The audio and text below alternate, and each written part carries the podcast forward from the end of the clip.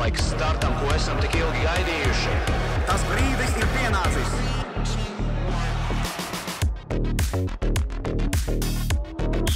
Uzvarā! Atkal pasaules čempions! Teicami! Atkārtos metiens vārtī! Trieciens no augšas! Iespēja divi pret vienu aiziet garām! Teicama piespēlē un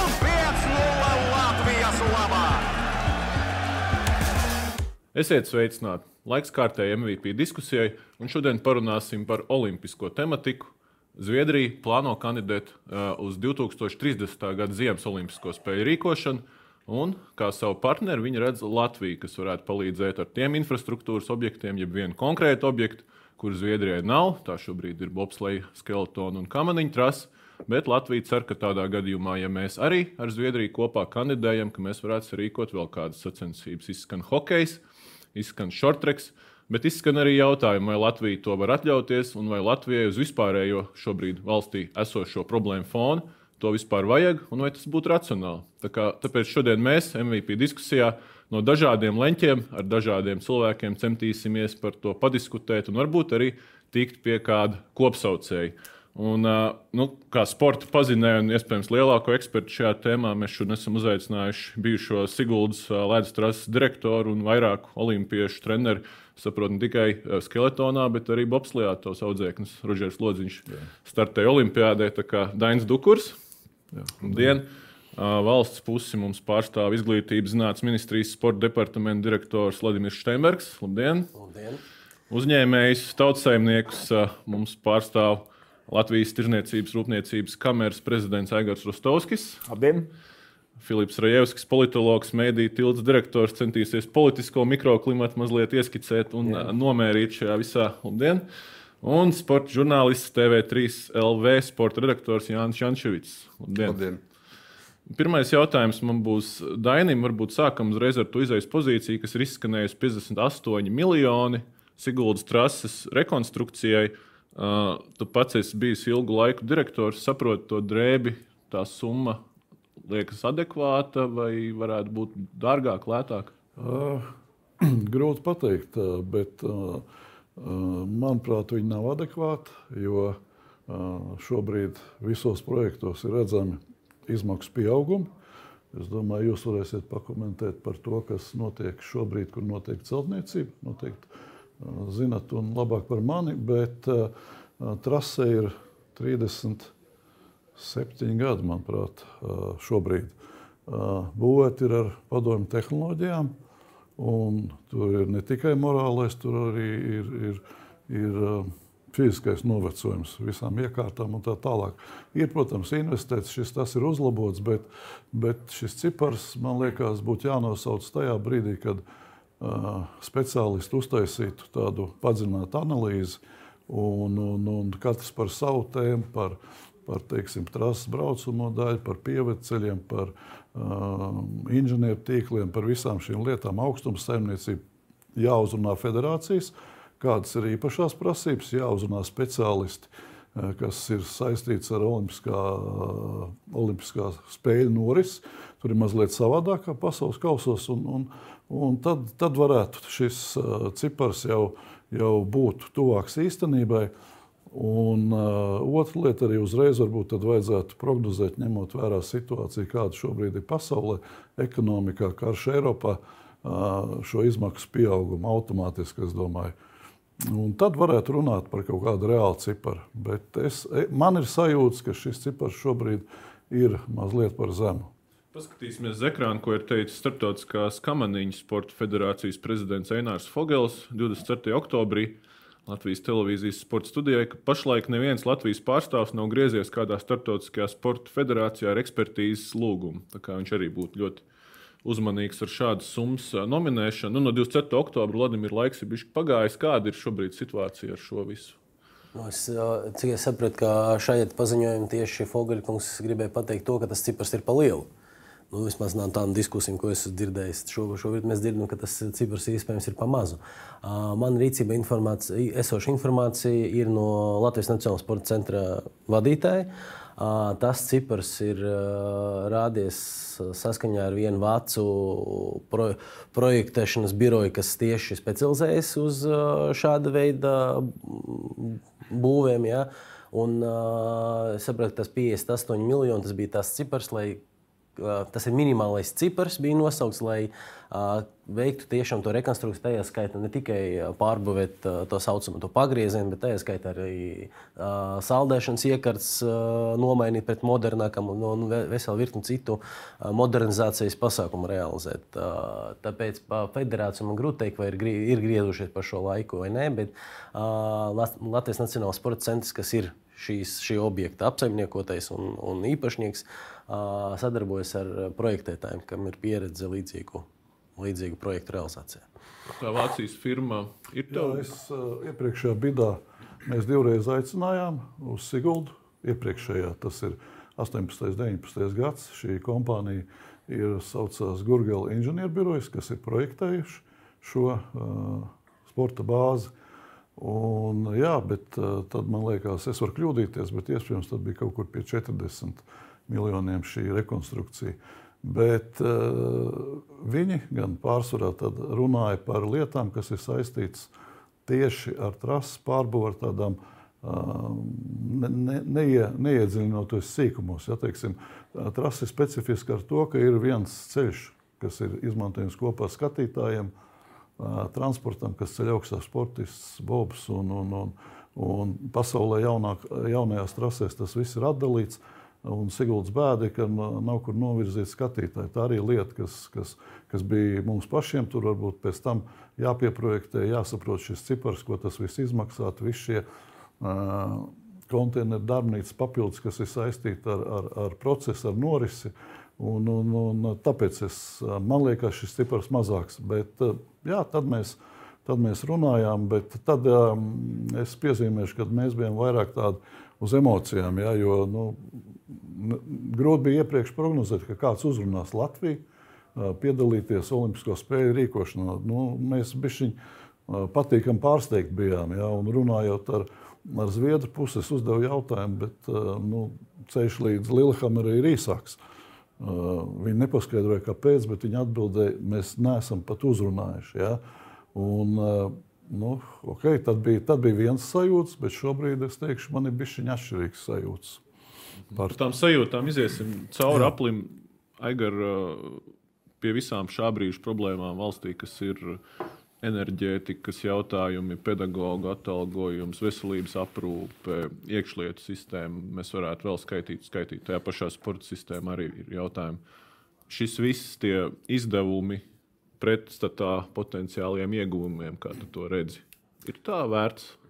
Jā, redzēji, mēs jau kā, kā biznesa cilvēki skatāmies varbūt arī iedzienos savādāk. Mēs neskatāmies apgūt, izdot, mēs skatāmies investēt.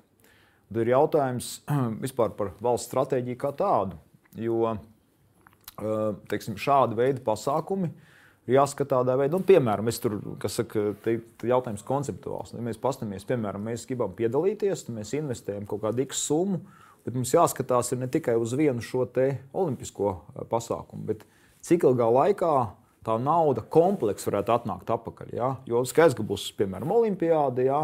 Ehm, tad vēl kaut kādus pasākumus organizēt. Jo skaidrs, ka cilvēki brauc, dzīvo viesnīcās, tā un tā, un viss kaut kas notiek. Otrs, ja teiksim, šim visam klāt vēl pieliek eh, publicitāte, reklāma, tas nozīmē, ka mēs caur šādiem pasākumiem nonākam uz kartes. Ja? Nu, kāds ierauga Latviju, kāds atbrauc, jāsās ir komplekss. Ja, piemēram, Nu, es arī pats esmu sportists, man futbols varbūt tuvāks. Nu, piemēram, kāpēc šīs te, nu, teiksim, tādas valsts kā Katāra tur cīnās, lai dabūtu futbola čempionātu? Viņi grib tikt uz kartes. Jo skaidrs, ka tur braukt uz Katāru tāpatās, nu, nevienam tur neinteresē pa lielam. Jā. Protams, ka tur ir milzīgas naudas, bet viņi mēģina kaut kādā veidā nu, tās ilgtermiņa investīcijas. Tā ir viena tēma. Tā kā jāskatās, ir investējam, x ciparu, cik ilgā laikā nāk atpakaļ. Jo problēmas apkārt mums būs visu laiku. Nu, tas ir, tas ir nu, tāda pasaule. Jā. Cita lieta, ko es gribētu piezīmēt, jūs te par tām cenām runājam. Te man jāsaka, diemžēl, ir par, eh, nu, par Latvijas pārdales ekonomiku. Uh, To, ko mēs redzam, kad uh, publiskā sektora būvniecības ir tradicionāli daudz dārgākas, tur notiek visādas netik foršas lietas, jā, tiek uzpūstas cenas un tam līdzīgi. Un te ir tā kā stāsts, ka mums ir jāmeklē risinājumi publiskās privātās partnerības, lai mēs faktiski tā to publisko naudu, kur mēs investējam, ka viņi tiešām ir ieinvestēti maksimāli efektīvi. Ja? Tā kā tā, tādā veidā. Ja? Jo, nu, saka, mē- mēs nevaram sasaldēties un neko nedarīt. Tāpēc, ka apkārt tur ir ģeopolitika, tas un tas. Mums ir jāiet uz priekšu, bet mums jāiet uz priekšu ļoti efektīvi un gudri. Ja? Un katrs tā lieta ir jāizsver. Ja? Tā tikšana uz kārtas Filipa pretstatā tam, ko es minēju, un tādam sabiedrības pirmajam varbūt impulsam dzirdot lielas summas. Nu, es domāju, ka politika, piemēram, ir ļoti emocionāla. Tā ir vispār emocionāla lieta. Un eh, ļoti bieži runā par olimpiskām spēlēm, runā par svētkiem. Tie ir sporta svētki. Reizes četros gados tie, tie ir svētki, kuros tiek uh, svinēts kaut kas. Nu, tad, ja mēs tagad uh, vei, nu, veicam šo investīciju, pilnīgi piekrītu Aigara teiktajam, ka tas ir jābūt ļoti pragmātiski, saprotam, kāpēc mēs rīkojam svētkus, lai ko mēs nokomunicētu. Jo labi, nu, uz kartes mēs varam tikt. Nav, nu, uz kartes tikt nav tik liela problēma. Mēs jau esam uz kartes kā viena no nabadzīgākajām Eiropas valstīm. Un, un, un tad, tad jāskatās uz to 30. gadu caur šo prizmu, ka nevis atraut, ka mēs runājam par Olimpiskajām spēlēm, bet ko mēs svinēsim 2030. gadā. Varbūt labāk ir nosvinēt, eh, piemēram, piecas zelta medaļas, jo mēs ieguldīsim bērnu sportā, un 30. gadā mums būs, nu, tā vienkārši ļoti trivializēti saku, un mums būs labāk, pie, mēs no, no, no, to nosvinēsim. Ja varbūt mēs nosvinēsim, ieguldīsim uh, hokeja, un atkal mums būs šāda svēta, kā bija pēc šī čempionāta, ka mūsu hokejisti tiešām radīja svētkus visai tautai. Ja, ja, ja mēs tomēr svinēsim to, to ka mēs esam iztērējuši, nu, jūs teicāt, 57, nu, apmēram saprotot Latvijas mērogu, nu, bez 300 mēs netiksim cauri. Tur kā 300, 350 miljoni tiks notērēti tā, kā es te sēžu. Es pat gatavs būt derēt. Un ko mēs būsim uh, ieguvuši no tā? Uh, es, nu, tā nauda vienkārši tik tā, nu, tā, svētki un svētku salūts. Un viss, un pēc svētkiem paliek tikai netīra, netīra vieta, kur jāsiet sētniekiem slaucīt pēc tā salota. Tas, un šajā gadījumā šis salota netīrums varētu būt korupcijas skandāla, apceltniecība, karteļu skandāli un viss, kas, ko mēs vienmēr negribam redzēt, tad, kad tiek iztērēti 300 miljoni. Kāda tev, Jānis, tā sajūta? Dažādas versijas izskanēja. Investīcijas, kartes, svētki, salūts, kartelis. Nav tikai runa par šeit. Es neesmu dzirdējis to, par ko Vilnis Baltiņš, esot Olimpiskās komitejas prezidenta amatā, runāja, manuprāt, pirms 30 gadiem. No valsts līdzekļiem finansējot jebkuru augstu sasniegumu sportu, daļai no formulas būtu jābūt, cik bērni sākst. Kā Filips teica, ne, nevis vēl zelta medaļa, cik varētu sākt trenēties. Pēc katras Aļonas Stāpenko French Open titula vai kaut vai uh, spēlēšanas US Open pusfinālā Anastācijai, pēc katras šī bronzas pavasara hokeja, pēc katra pirmā pasaules kausa basketboliem, kur ir tā līnija, cik vairāk sāk trenēties. Tad mēs varētu skatīties vispār tajā formulā, tad mēs runātu. Tad ar Daini kopā, kas notiek tālāk, tad par to, ko teica Aigars, investīcijas tālākas ceļi, trases ceļi, Siguldas ceļi un tā tālāk. Un tā joprojām. Šeit mēs, kad runājam, kur pamats sporta veids ir kamariņas, bobslēgs un skeletons, droši vien, ka tu pajautāsi Dainim, cik visā pasaulē šobrīd piedalās šajos sporta veidos, cik trenējās Latvijā, kas ir pilnīgi citi cipari. Kaut vai futbols, kaut vai basketbols. Un uh, pie tās formulas es neesmu dzirdējis vēl ārkārtīgi svarīgus ciparus. Uh, Liekās svara problēmas uh, mūsu bērniem, liekās svara problēmas uh, pieaugušajiem, un atkal caur valsts prizmu, cik tas valsts izmaksā. Man ļoti izpalīdzīgi šonadēļ, kad tu man uzrunāji, veselības ministrija palīdzēja. Pie atsevišķām slimībām ir skaidrs, ka pirmais pie liekās svara ir uh, asinsvadu slimības, tālāk seko gan diabēti, arī onkoloģiskās slimības. Un veselības ministrijas rīcībā šobrīd ir dati, cik tas izmaksā uh, valstī. Un atsevišķām vecuma grupām līdz 25% bērnu šobrīd liekas ar problēmas. Plus jau veselības ministrijas atzinums, ka tas, pie kā viņi pierod 3-7 gados, nesportot, sēdēt pie datoriem, sēdēt pie telefoniem, tas iet cauri visai dzīvei. Turklāt mēs esam runājuši, ir arī 12. oktobra 23. gada valsts kontrolas atzinums, ka ne tikai bērniem, visā Latvijā, arī pieauguši, visā Latvijā, ne tikai Rīgā, pietrūkst vietas, kur nodarboties ar sportu. Un nevis tiem cilvēkiem būtu jānāk pie valsts un ļaujiet mums kaut kur izdarīt jebko, bet valstī būtu jārada iespējas, lai viņš gribētu pastaigāties, nezinu, nu, jau tenisu vienalga. Jo tas valstī ir izdevīgāk nekā pēc tam viņas ārstēt. Es to neesmu dzirdējis vispār. Nevis jā, nevis nē. 2030. gada Olimpijādei Siguldā, ka tajā formulā būtu cik pēc šiem iegūt, pēc investēšanas, investēšanas kā Aigars teica, cik kaut vai caur to mēs samazinātu. Es to nesaredzu.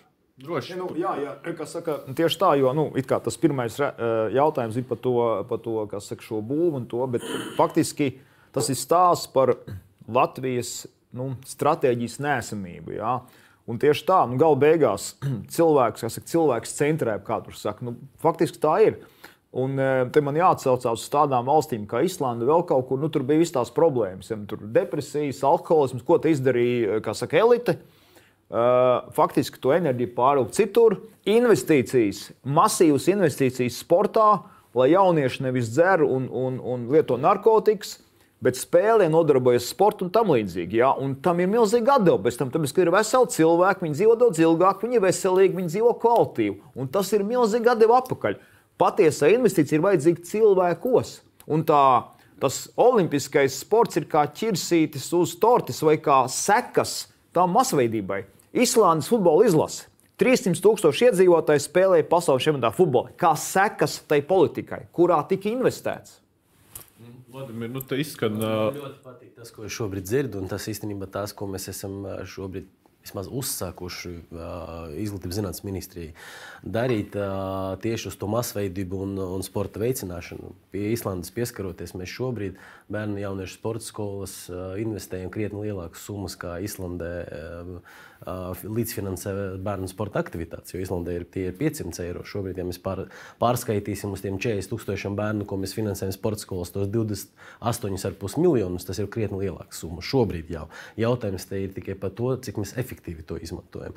Ja mēs runājam par to, ka mums 25% bērnu ir lieko svaru, bet uh, paskatāmies tos datus, ka mums ir nedaudz virs 200 tūkstoši bērnu ar vidusskolu. Tāpat laikā gandrīz jau šobrīd 50,000 bērnu sporta skolas sistēma, plus tam nāk vēl pulciņi, sporta pulciņi, interešu izglītības, kur vēl 45,000 bērnu. Tad mums uz papīra katrs otrais bērns ir sportists, un katrs ceturtais bērns ir potenciāls augstas klases sportists. Uh, Bet realitāte aizsardzības ministrija, iekšlietu ministrija saka, ka viņi tie bērni uz testiem nāk tik švaki, ka viņi nevar uh, 3 km noskriet. Nu, tad acīm redzam, ka te ir kaut kāda sistē, sistēmiska problēma un uh, eso, kaut vai esoša resursu izmantošanas efektivitātes problēma.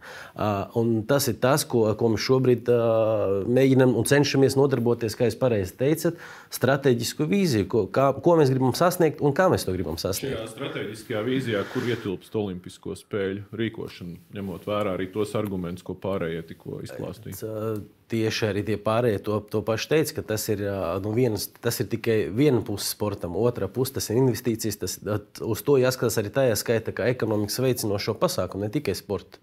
Olimpiāda kā ekonomika veicinošs pasākums. Tu Protams, jūti, ka mums protams. var sanākt 30 To, gadā. to ir jāvērtē tiem, kas zina to fiskālo telpu valsts, tie, kas var prognozēt, cik mums ir naudas un cik būs naudas. un tā tālāk. Mūsu uzdevums kā ministrijas, un kā arī trases pārvaldnieka un kā Olimpiskās komitejas, kas saskaņā ar sporta likumu ir atbildīga par Olimpisko spēļu rīkošanu valstī, sagatavot informāciju. Un tad, attiecīgi, jau tiem, tiem kam tā informācija par pa, pa naudu valsti, par pa, pa plāniem attiecībā uz ekonomiku ir pieejama, tad viņam arī jālem. Nevar ne, nepielēmt ne es, ne nekāda cita persona. Tas ir jālem vadībai valstī. Ne, šis jau primāri ir sporta politikas jautājums. Tajā brīdī, ja jūs pasakāt, ka mums ir citi jautājumi un, un sporta budžets ir 51 laikam, miljonus eiro un 58 miljoni, tā kā pārējai sporta sabiedrībai rada bišķi mielas, ko mēs tagad dzirdam arī no sporta pedagoģa uh, vadības organizācijas un tādā garā.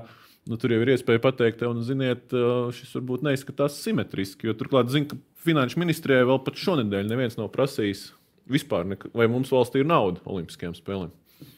Tāpēc, ka mums nu šodienas dienā nav pamata to prasīt.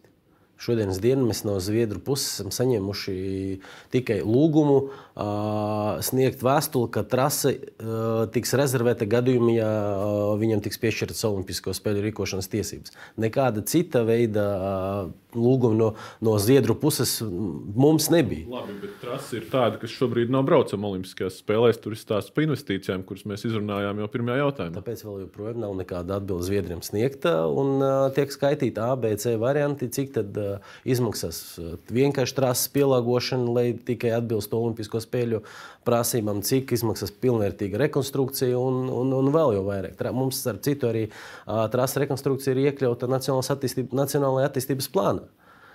Be, bez Olimpisko spēļu rīkošanas. Daini par uh, liederību un to visu. Tu teici, ka tev tās emocijas ir mainījušās šobrīd, kad mēs varētu kandidēt, kā tas bija pirms gadiem, se, pieciem, kad kandidējām iepriekšējais. Kas ir tas, kas tev ir licis pārdomāt un to entuziasmu nokaut? Man liekas, pārdomāt pasaules kausa Siguldā pagājušajā gadā, kur piedalījās 13 ekipāžu Vopslējā.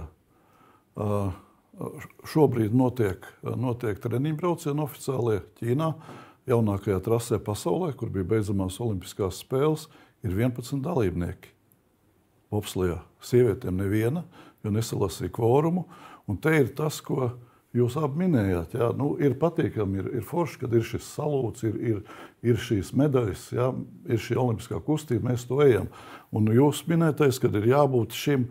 Uh, nu, dalībnieku skaitam, kas tajā visā piedalās. Okay, Zviedri teiks, jā, mēs Siguldu ņemam, valdība pateiks, ejam, tas uzreiz viss nāks un ar kājas pērs durvis vaļā. Viņi teiks, mums vajag naudu, lai mēs 30. gadā labi nostartētu. Kā tad būs bez medaļām? Jā? Es varu pateikt, kurš būs pirmais, kurš atnāk. Jūs jau saprotat, ja? ar jūsu smaidu. Un, un, un, un, tāpat, kas notiks pēc 30. gada, kādā apritē spēsim noturēt šo uh, sporta bāzi, kurai būs liels, liels investīcijas. Tad atkal mēs nonāksim pretumā pret masveidību, pret, pret tautu ar to, ka mēs tad, lai, lai, nu, tad jau arī kāds teiks, jūs ielika, ieguldījāt tik un tik miljonus. Bet jūs nekas nenotiek. Jums ir 20 sportisti. Tas, ko es atdzīvināju, šo skeletonu pēc Tomas Martina aiziešanas, uh, pateicoties Sigūdas novada pašvaldībai, ko no teikt, kā tu basketbolists arī kādu brīdi pagriez zobus pret mani ar domu, ka nu, Dukurs tur izkustināja šo tēmu, jā, un, un ir šie bērni, kas tagad pieci bērni piedalīsies jaunatnes olimpiādē. Bet es jau šobrīd saku, mēs esam uz skuju taks. Turpinājumu nebūs, jo federācija tas neinteresē. Federācija ar 16 cilvēku delegāciju ir, ir Ķīnā. Federācija e, nepiedalīsies Eiropas kausos, kur būs jābrauc jaunatnē. Mēs, mēs mētājamies no viena gala uz otru galu. Ja? Labais piemērs, no kā mūsu federācija, es pat nesauktu viņu par bobslēgas skeletonu, es sauktu par bobslēgas federāciju. Viņiem vajadzētu dot vizītē, doties vizīties Kamaniņu federāciju, kur ir šī piramīda, kur ir, kur ir bērni kur ir tas, ko Jānis minēja, kur ir šī interese. Ja? 4. novembrī bija starta sacensības, 101 bērns bija. Ja? Jau cienījams skaits, jau ļoti cienījams tam sporta veidam, kurš nav tik populārs, ja, kā teiksim, bumbas spēlēšanas un, un tā tālāk. Ja? Un atgriežoties pie tā, nu, tiešām ir jāsaliek viss kopā. Tas, ko jūs minējāt, lai, lai, lai būtu šis iegūms, lai pēc tam kāds atkal nemest ar akmeņu, neteikt, jūs investējat tādu naudu un, un viss ir viss ir nosēdies. Nevienam nav vajadzīgs. Rio spēles nākošajā dienā pēc noslēguma basēnā peldēja krēsli. Nevienam nevajadzēja. Ja? Atēnas, Cezānā trasi pamest. Ja? Mums jābūt gudrākiem, ja jāskatās šobrīd un arī tajā, kas tad notiks pēc šī salūta. Ja? Bet, kad mēs būs... Nav risks pie tā, ko tu nosauc 11 dalībnieku Ķīnā, tur 13 Siguldā un visur, ka šīs disciplīnas vispār no Olimpiskās aprits pārskatāmā nākotnē izkrīt. Jā, jo mm, cits, man liekas, kas attiecās uz Startautisko federāciju, Bobslēgas Skeletonu federāciju, šī vājākā federācija Ziemas Olimpiskajā saimē. Jo nu, tas nav rādīties. Stādieties priekšā Rūpoldingā pasaules kausa biatlonā, un uz starta nav nevienas sievietes, un stāv 11 veči no sešām valstīm. Pagrieztos aiziet. Bet tur atbrauc uz to, ka tur ir šī intriga, atbrauc uh, nezinu, 25,000 skatītāju. Ja? Braucot no Kenijas, es redzēju to mašīnu rindu, kas griezās iekšā uz Rūpoldingu. Ja? Nu, mēs jau paši esam, mūsu starptautiskā federācija ir šo sabojājusi. Ja? Tātad, ja gribēja tur savākt kvorumu, tad vajadzēja nākt tālāk ar, ar transporta izmaksu sekšanu, ar visām šīm lietām, lai tur būtu. Ja? Skeletonā 17 uh, meitenes un 20 vīri pasaules kausā. Tad, kad mēs 2000. gada sākumā braucām, tur bija pārpa 30. Tik cik tagad abos uh, kopā sievietēm un, un, un vīriešiem. Ja? Kā uh, liels akmens jāripina starptautiskās federācijas virzienā, ja? jo tur kaut kam ir jāmainās un, un jāsaprot, ir jābūt kaut kādām garantijām. Ja šī mazā valsts Latvija ar savu ne, ne ļoti stipro, kāds izteicās skarbāk, pat vājāku, vāju ekonomiku, ja? Lai pēc tam neiesaistos peļķē, ja, lai, lai, lai nāk tālāk, lai, lai notiek sacensības, lai notiek starptautisks treniņu nomets, lai šī trasa turās apritē.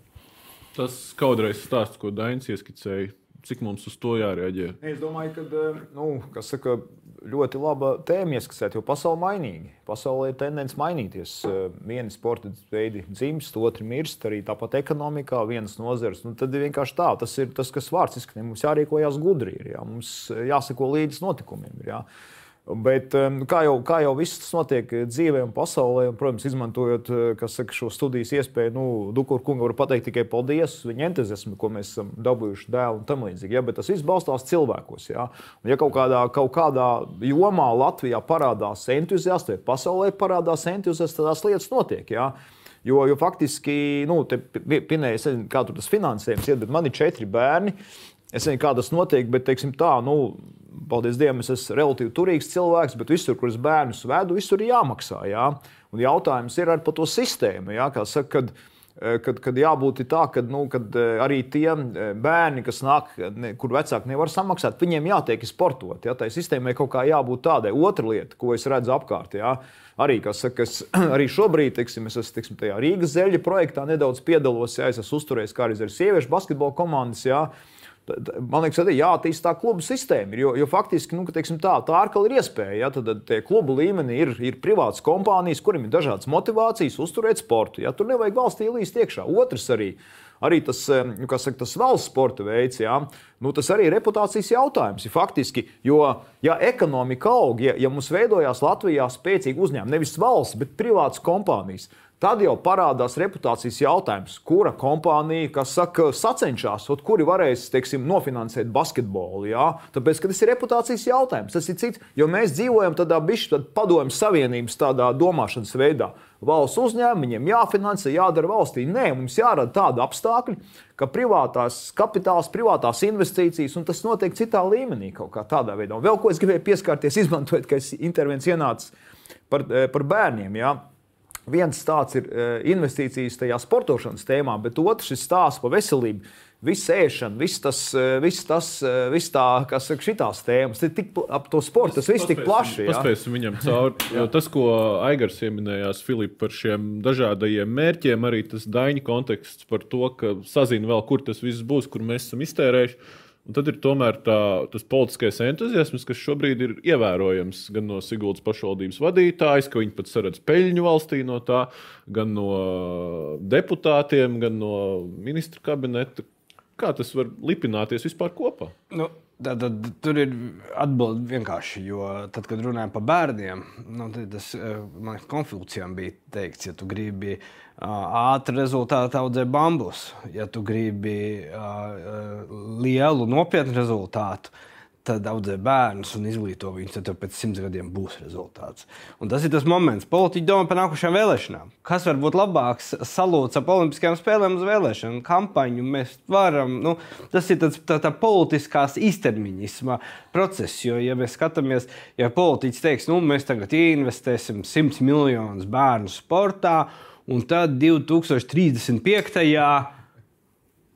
Pagaidā, viņš nebūs jau politikā viņa. Nu, Paskatieties, kāda ir aprite. 99% kas cilvēks vienkārši nebūs politikā, un viss būs aizmirsuši visus viņa solījumus, un neviens vispār nebalsos. Neviens neinteresē, kas 2035. gadā notiks.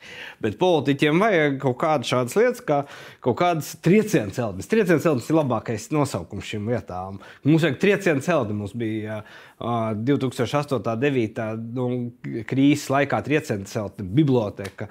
Mums tagad ir eksports nokritis par 30%. Mums vajag kaut kādu ātru triecienu objektu, lai novērstu uzmanību cilvēku no tām problēmām. Tad sports un olimpiskā spēļu organizēšana varētu būt ļoti labs, labs, laba tēma, lai novērstu uzmanību no kaut kādām citām uh, problēmām. Tas ir tas, tas sport, p, politikas īstermiņisms, ar kuriem vienmēr jārēķinās tajā mirklī, kad tu klausies politiķu solījumos. Paskatīsimies pa politiķiem, runājot uz ekrāna, ko teica premjerministra citā kontekstā, bet pirms nedēļas, kad par sporta skolu pedagoģu atalgojumu. Un te ir šāda frāze, ka viennozīmīgi jautājumi par sportu ir nelīdz galam sakārtot. Es domāju, tur ir diezgan daudz darba, ko darīt, jo mums ir jāveicina fiziskās aktivitātes gan bērnu, gan jauniešu vidū. Un šobrīd finansējums sportam ir ļoti sadrumstalots. Tur neskaidrība ir vairāk nekā skaidrības. Un uh, es pie tevis paliekot, es neesmu līdz galam nekad varējis saprast to politikas nu, nemēģināšanu iet uh, uz to elektorātu bāzi, kas saucās bērnu, jauniešu, sportistu vecāki, vecvecāki, onkuļi, tantes, kuri visi kā Aigars tērē naudu, kuri, kuriem tā ir ikdiena piecreiz nedēļā bieži vien. Bet nekad mēs tā kā tādu valstiski lielu pasākumu, kaut vai priekšvēlēšanās, ka mēs darīsim bērnu sportā to, un Vladimir tur vairāk 80 tūkstoši sportojušu bērnu, liekas, statistika oficiāli ir sporta skolu sistēmā, kaut kā 47 tūkstoši un interešu izglītībā 40. Tad iedomājamies, 80 pār tūkstoši sportojošu bērnu pareizinama koeficientu 1,5, nu, ka kādam ir abi vecāki, kādam nav. Vēl pierēzinām klāt kaut kādas vecākas un nemēģinām šo elektorātu apgūt ar tādām fundamentālām lietām. Te es apbēdināšu, ka bērnu vecāki ir visnepateicīgākā grupa, uz ko strādāt. Vieniem dēļ, ka viņiem liekas, ka viss viņiem pienākās, jo viņiem ir bērni. Tā kā politikā tā kategorija, kā bērnu vecāki, neeksistē. Tas ir kaut kas līdzīgs, kā mēs atceramies, ka mēs varētu taisīt tādu bērnu vecāku partiju. Nu, nē, tas ir smieklīgi. Tas bija, bija kādreiz mēģinājums radīt pensionāru partiju. tas ir smieklīgi. Tās nav kategorijas, kuras mēs politikā varam aptver, nu, apskatīt kā uh, kopēju auditoriju. Bet tematika, kā sports, un, un ka tur ir šis elektorāts, tas Ne, nav. Sportā ir elektorāts, saprotiet, tajā mirklī. Uh, Atkal īstermiņš. Mums ir svarīgi, do, tātad, politiķis, ja mēs paskatāmies, ļoti, ļoti zīmīgi bija, kā bija ar BMX. Es vienkārši vairāk seku, nu, to, to tā redzēju, ka, ka vajadzēja trenēties. Tur tika paši saviem spēkiem, būvēja trasi, vēl kaut ko. Un tad bija zelta olimpiskais. Un tad nevar atkauties no gribētājiem. Noteikti, ka jums tieši tas pats bija. Mēs to zeltu. Mēs kāpājām. Es nezinu, vai tie cilvēki kopā ar jums kāpāja, ka jūs savus dēlus uh, vedāt uz treniņiem un ieguldījāt savu darbu, lai viņus padarītu par olimpiskiem čempioniem. Bet toties pēc tam es domāju, ka bija gribētāji nofotografēties, atrādīties. Mēs, mēs to sudrabu, to bronzu, to hokeju, mēs viņu taču ar zobiem izkodām no tās. Tas ir autogrāfs. tas, tas, bija, tas ir tas, Bet, ko es uh, saku. bet Mēs taču visi kopā to lēdu grauzām. Bet, uh, Vladimir, nu, premjeras citāts mazliet citā kontekstā, bet tieši skarot jūsu izglītības zinātnes ministrijas tēmu. Un savēlkot visu kopā ar citām sporta problemātikas iezīmēm, kuras tu arī pats uzskaitīji, nu, ka tev šobrīd, jums kā ministrijai, jāiet un jādod kaut kāds kopējs redzējums, tad tas dalījums pa plauktiņiem mums zīmēs esošās naudas ietvaros kā. Un vai tu jūti, ka mēs varam piesaistīt vairāk naudas šobrīd par to 51 miljonu, nu, tādā ikgadējā bāzē? Es domāju, noteikti. Un, saka, mēs jau tagad jau to darām un būvējam bāzi tam, lai, lai, lai piesaistītu. Un arī ā, redzot to, kā top valdības deklarācijas rīcības plāns, tur arī tad, kad viņš tiks apstiprināts, tā, ja apstiprināts tādā, tiks apstiprināts tādā kontekstā, kā viņš šobrīd top, tad tur vairākas lietas tiks ieliktas, kas ļaus mums nākamgad diezgan lielu darbu paveikt tieši tajā jautājumā, lai piesaistītu gan papildus naudas, gan, gan arī sakārtot šo, kā pareizi arī ministrs prezidents minēja, ka ne, ne, neskaidrība vairāk kā skaidrība. Tā ir skaita pa finansēšanas modeļiem, pa pārvaldības modeļiem. Mums, eh, man stājoties amatā, vajadzēja nedēļu ar piekļuvi visiem, visiem dokumentiem, lai tikai savilktu to Latvijas sporta parasvara federāciju finansēšanas modeli, no kurienes cik naudas kāda federācija saņem.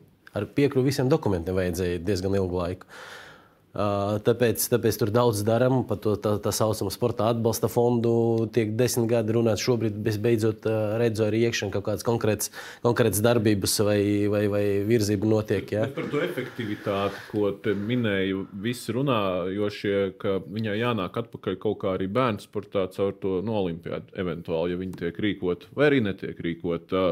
Tu redzi, nu, tai pašai 11 ekipāžu sporta veidam un, un, un lielām olimpiskajām izmaksām, nu, kā tu pamatotu to efektivitāti sporta sistēmai kopumā?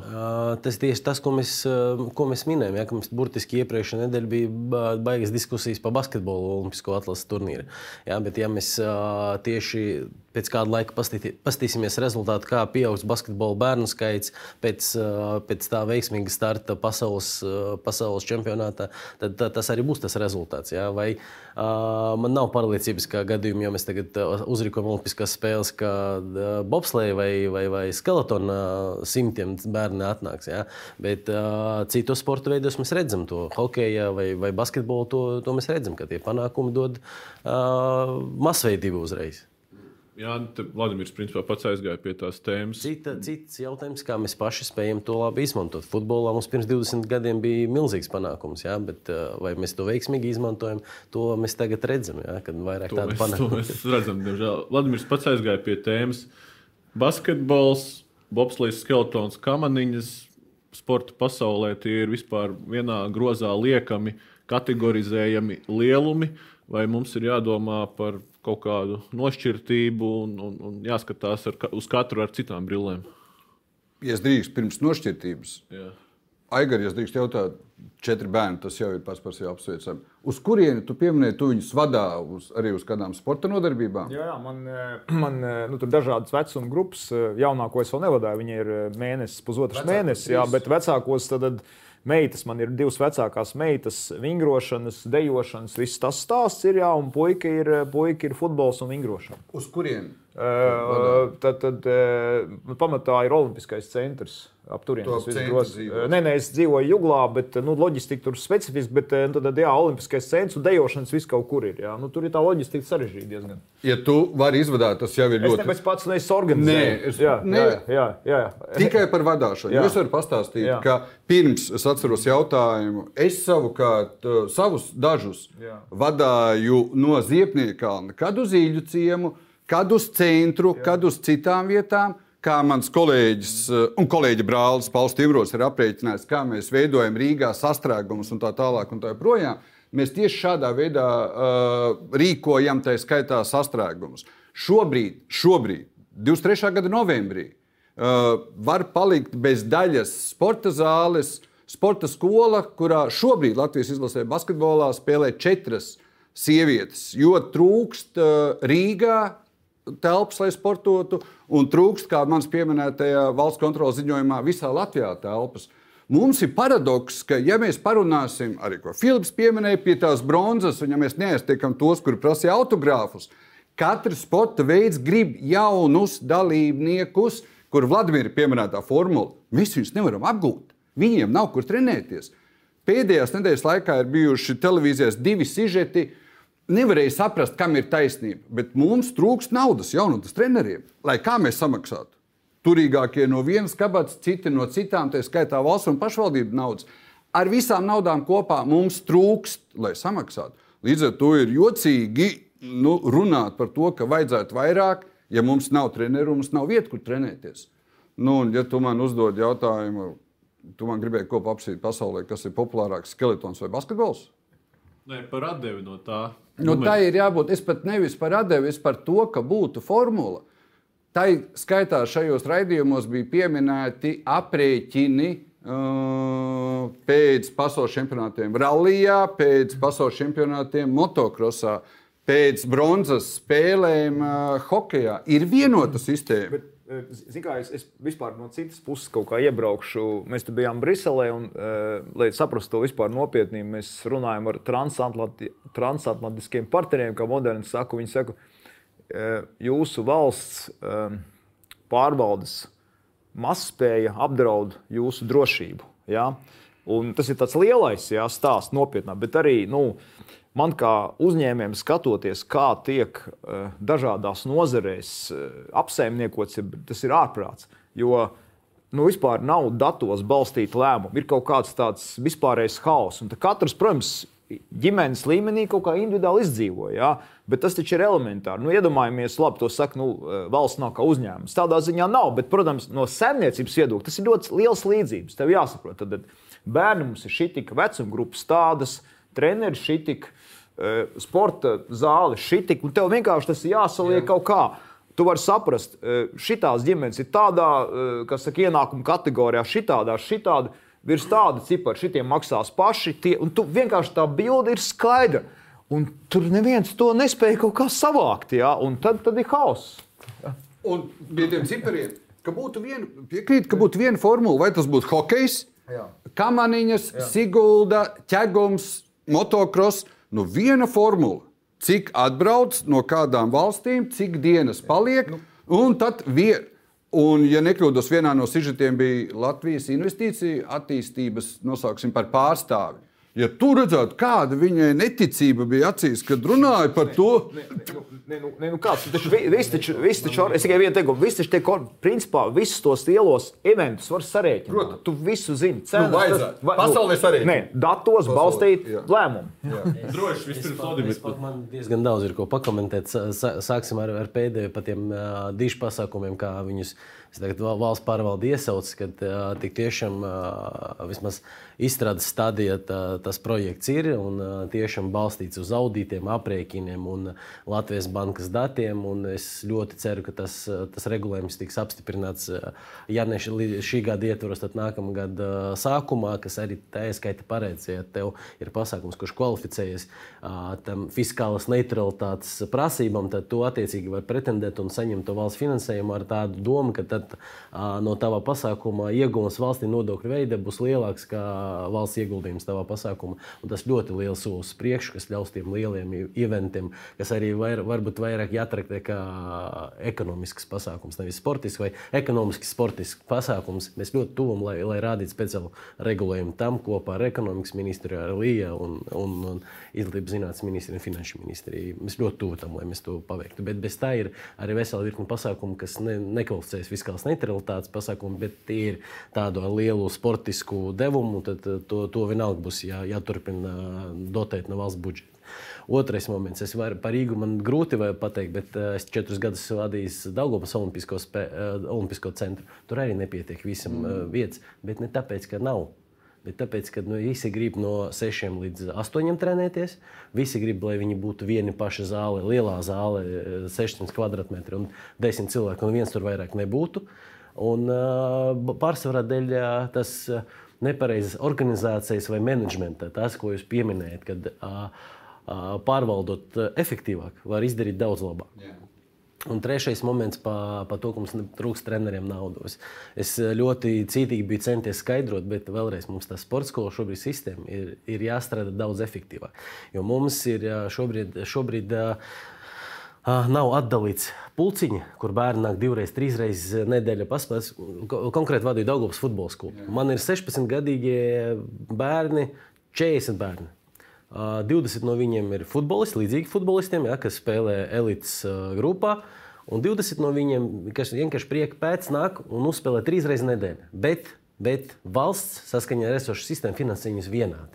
Un tas treneris, kurš trīs reizes nedēļā atnāk, pamet viņam bumbu. Forši, ka džeki nāk sportot, forši. Tas ir vajadzīgs un, un maksimāli daudz ir vajadzīgs. Bet tas treneris, kurš trīs reizes nedēļā atnāk, ar viņu pabumbojas, tarificējas un saņemt valsts albalstu tikpat lielu, cik tas treneris, kurš sešas reizes nedēļā plus dalības sacensības ā, strādā ar, ar augstas klases sportistiem. Tagad es ministrijā varēšu šo kliedēt. Dainim bija replika. Jā, par uh, izplestiem lietu pārstāvju acīm. Tieši tā, lietu pārstāvjiem vajadzētu vai vēl kādam citam neitrālam vērtēt katra uh, lielā pasākuma pienesumu. Nevis katrs, kas viņu rīko, uzraksta savu atskaiti un paskatās, kaut kā nerādās. Reiz divi, labākajā gadījumā, sliktākajā reiz desmit. Un re, kur viņš ir tāds pienesums valstī, nenormāls. Ja? Jā, no malas atnāk uztais vērtējumu, jā, un tad tas ir ā, redzams sabiedrībai, un tad sabiedrība arī var, var redzēt un vērtēt gluži gluži te stāstīja, ka mums skatās pasaules kausa bobslēgs, skatās 60 miljoni pasaulē. Ja? Bet izrādās, ka uh, mums tas pienesums no tām 10, 11 ekipāžām ir pavisam savādāks. Ja? Tāpēc es par tām izplestām acīm, kad neļaut pašiem uh, savu darbu vērtēt, bet vērtēt uh, objektīvi no ārpuses. Tas, tas regulējums, ko jūs pieminējāt, paredz vispār neatkarīgā Jā. auditorā. Jā. Tas ir fundamentālais jautājums, ko Dainis aizskāra un, un ko jūs pārējie ir mums. Nu, mēs runājam par masveidību. Skaidrs, ka masveidība nebūs bobslēgā, ar ko no 18 gadiem sāk nodarboties objektīvi. Nu, tāds tas sporta veids ir. Skeletonā, no cik gadiem jūs ņemat? 14, Nu, 15? 13 gadi Nu, jau bet tas arī nav 8 vai 7 nav, jā. gadi. Tā tad arī tur nevar būt nekāda sakaba ar, ar, ar bērnu uzsākšanu sportot, pateicoties skeletonam. Nu, kā man viņas vienīgais? Liekam pretī Olimpiskās medaļas Ziemas Olimpiādēs. Mums ir tikai šajās trijās disciplīnās. Cik svarīgi mums ir tā medaļa? Jo tas, ko arī Dainis minēja, nu, mēs esam ļoti daudz arī spekulējuši ar, ar falsiem datiem. Pieminētais Bobslēgas Skeletona federācijas viceprezidents Ekmans par 60 miljonu reitingiem runā Siguldas posmam. Ja mēs redzam, ka tas ir 60% no Superbola reitingiem un četreiz augstāks reitings kā Anglijas Premjerlīgai futbolā, un, un cilvēks skrien pēc naudas un ir nabadzīgi, tad mēs saprotam, ka tas ir falšs reitings. Ja? Tā tad, kur mēs Es varu precizēju šo jautājumu. Nu. Vai mēs divas pieminētās medaļas pielīdzinām to stikla, tiem stikla gabaliņiem, ko pirms 400-500 gadiem Portugāļi un citi Eiropas iedzīvotāji veda mainīt uz Dienvidu Ameriku, uz Centrālu Ameriku? Nu, tur viņi arī veda stikla gabaliņus.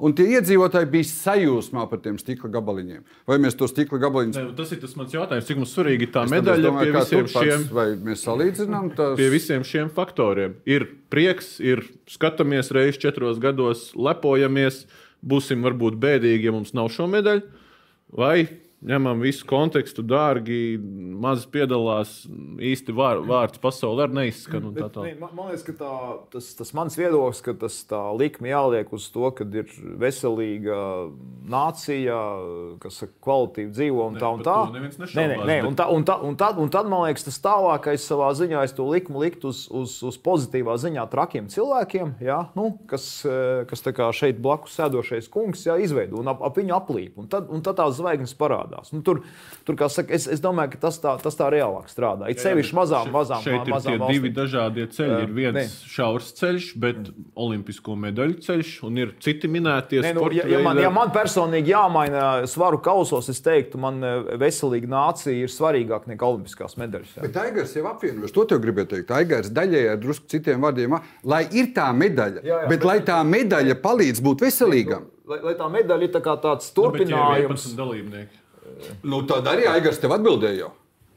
Nu, ja tu pats ieliec, ja tu saliec nu, 2 plus 2, šeit tad tu dzirdēji, ko Aigars teica. Blakus sēž pozitīvā ziņā, nu, jālepojas ar trakiem cilvēkiem. Nu, tās medaļas ir tāpēc, ka šādi cilvēki ir. Jā, nu. Nē, Tur, tur ir viens labs moments par tām 12 ekipāžām. Tad atcerēsimies, ka šie sporta, šie sporta veidi, skeletons, bobslēgs, kabīnes, viņi ir arī tehniskie sporta veidi. Un, kāpēc vācieši tur dominē? Tāpēc, ka vāciešiem ir tehnoloģija. Ne jau vācieši šajā gadījumā, piemēram, kā valsts skatās uz to lietu, vēl arī ar tādu skatu, ka tas, tas Bobs ir ar BMW simbolu. Viņi pārdod savu tehnoloģisko varēšanu. Un, ja Latvija varētu izpunktēt šajos sporta veidos tehniski Vāciju, tad, tad, tad ir tas jautājums, ko mēs nokomunicējam. Tas nekas, ka ir 11 ekipāži, bet mēs pasakām, ka mēs esam tehnoloģiski tikpat spējīgi kā Vācija uzražot bobu, tas nozīmē, mēs varam visu ko. no- Te ir jautājums, ko tu gribi nokomunicēt. Viennozīmīgi, Bobsejs, skeletons, kamaniņš nekad nebūs mazs sports bet viņš var būt komunikācija, parādīt, jo tad arī uz, tad ir tie vācieši arī skatīsies, Nu, tu investori. uz Nu, kā, tad tev vācieši Jā, investori saka, jā. šitie džeki mūs Nu, jā, izpunktē, nu, jā, pabā, kaut jā. ko viņi tur prot. Nav jau tā, ka viņi tur ir tie, kas tos uh, zemi maina pret stikla Tas gabaliņiem. ir kurš Jā, es, tas, ko jūs pieminējāt par, par Vāciju, bija laiks, kad vācieši nāca pie mums un teica, mēs no jums mācāmies. Ja? Un par tām tehnoloģijām mums bija komandā viens cilvēks, kurš sēdēja internetā, jo uh, ir lietas, kas pasaulē iet uz priekšu. Gan uh, šīs tehniskās lietas, apstrādes, aerodinamikas un tā tālāk. Un bija brīdis, kad mēs bijām ļoti augsti šajās lietās, un tāpēc arī mēs vedām šīs medaļas. Ja? Un uh, medaļas arī ir vajadzīgas. Ja? Ir vajadzīgs medaļas, ir vajadzīgs, ir vajadzīgi arī. Bet nevar tā, ka mēs uh, esam vienā grāvī, ja tur tikai cīnāmies par medaļām, viss pārējais. Un tad pārlicam pāri, paņēmām, te bija aktuāls. Uh, Norvēģi, ka nu, Norvēģijā visi tikai nodarbojas ar, ar uh, tautas sportu. Ja? Uh, Nekad neticēšu, ka biatlonisti pēc pasaules kausa dodas uz lašu fabriku, tur un, un, un fasē. Tie tādi paši profesionāļi ir. Ja? Un tad mēs tagad esam otrā grāvī, un, un no tā cietīs varbūt kāda cita sporta veida.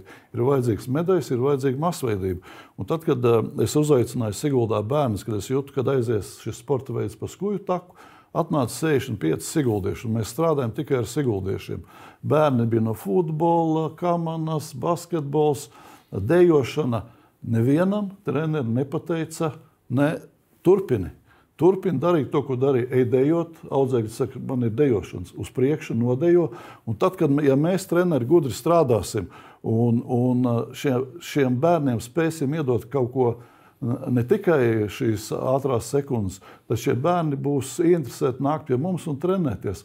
Un viens otrs pat Viegliet vēl tagad turpina, pēc trīs gadu treniņiem, turpina braukt uz vieglietas sacensībām. Ja? Mums arī pašiem jābūt gudriem un, un piesaistīt šo jaunatni. Jā, nekad nebūs mums, ko es minēju pašā sākumā, 101 kamaniņu braucējs. Ja? Tur ir apakšā gudrs darbs. Ja? Mums nebūs tas, to, ko, ko, ko tu minēji. Bobslēgs jau sākās no vīru gadiem. Ja? Mēs varētu, ja? un ja jau šī bāze ir, tad, tad, eh, protams, tur šīs investīcijas, kas ir paredzētas, viņām tur ir jābūt. Un mēs arī varētu būt tie sporta veidi, kas varētu kādu medaļu šeit atvest. Tas ir bobslēgs, kamans noteikti, ļoti gudra sistēma, no kuras mums vajag mācīties cepuri nost. Un eh, arī, arī skeletons vēl varētu pacīnīties par kādām medaļām. Bet tajā brīdī tikai, ja, ja teiksim, nenotiks šī striktā dalīšana, masveidība nav out, jūs nesat mums interesanti. Ja? Jābūt gudriem, noturēties uz ceļa ja? un redzēt, kur ir, kur ir tie sporta veidi, kas var iedot ar bez masveidības šo pienesumu, kur ir tas moments. Ja? Man šobrīd vēl pārsteidz, man pienāk uh, kundze, kas ir vecāka par mani un, un atpazīst un saka, jūs esat tas. Ja?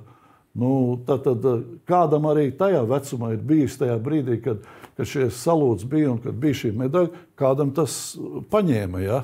Un kādam tas aizķērās, ja ir vajadzīgs šīs medaļas, lai mēs apliecinātu, kas, kas mēs esam. Siguldā šogad ļoti daudz mašīnas ar somu numuriem. Jā, Krievijas robežas ciet, bet es domāju, savs pienesums arī bija hokeistiem. Noteikti. Tas iedeva tādu pašapziņu, ja tie cilvēki, kas tajā dienā stulbi, protams, iedod kaut kādu brīvdienu, un tas, tas bija sviests, bet tie cilvēki bez brīvdienas aiziet tie, kas cienīja hokeju, kas cienīja savu valsti, savu savu karogu. Ja? Nu, tāpēc uh, ir vajadzīgs šīs medaļas šādi.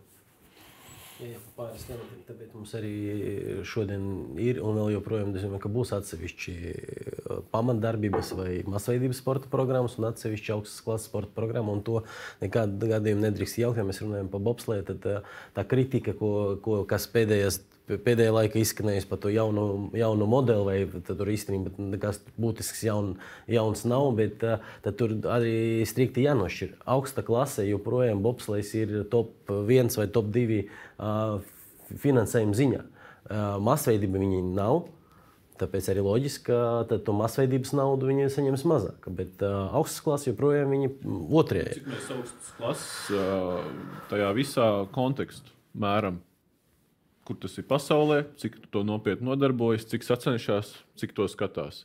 Jo pieminētie tenisisti, tiekot kaut vai pusfinālā Grand Slam, nu, viņi savā publicitātē pārspēja mūsu NHL spēlētājus un, un to visu. Un viņiem nav pat medaļu, ko mājās atvest. Mums ir esoša sistēma, kura noteikti arī jāpārstrādā, bet mēs esam novienojušies, ka līdz Olimpiskajām spēlēm neiztikt to sistēmu. Pēc Olimp Parīzes Olimpiskajām spēlēm mums arī augstas klases uh, sist finansējuma sistēma ir jāpārskata. Jā. Es pa, papildinātu vienu, papildinātu pa, pa to tehnisko sadaļu.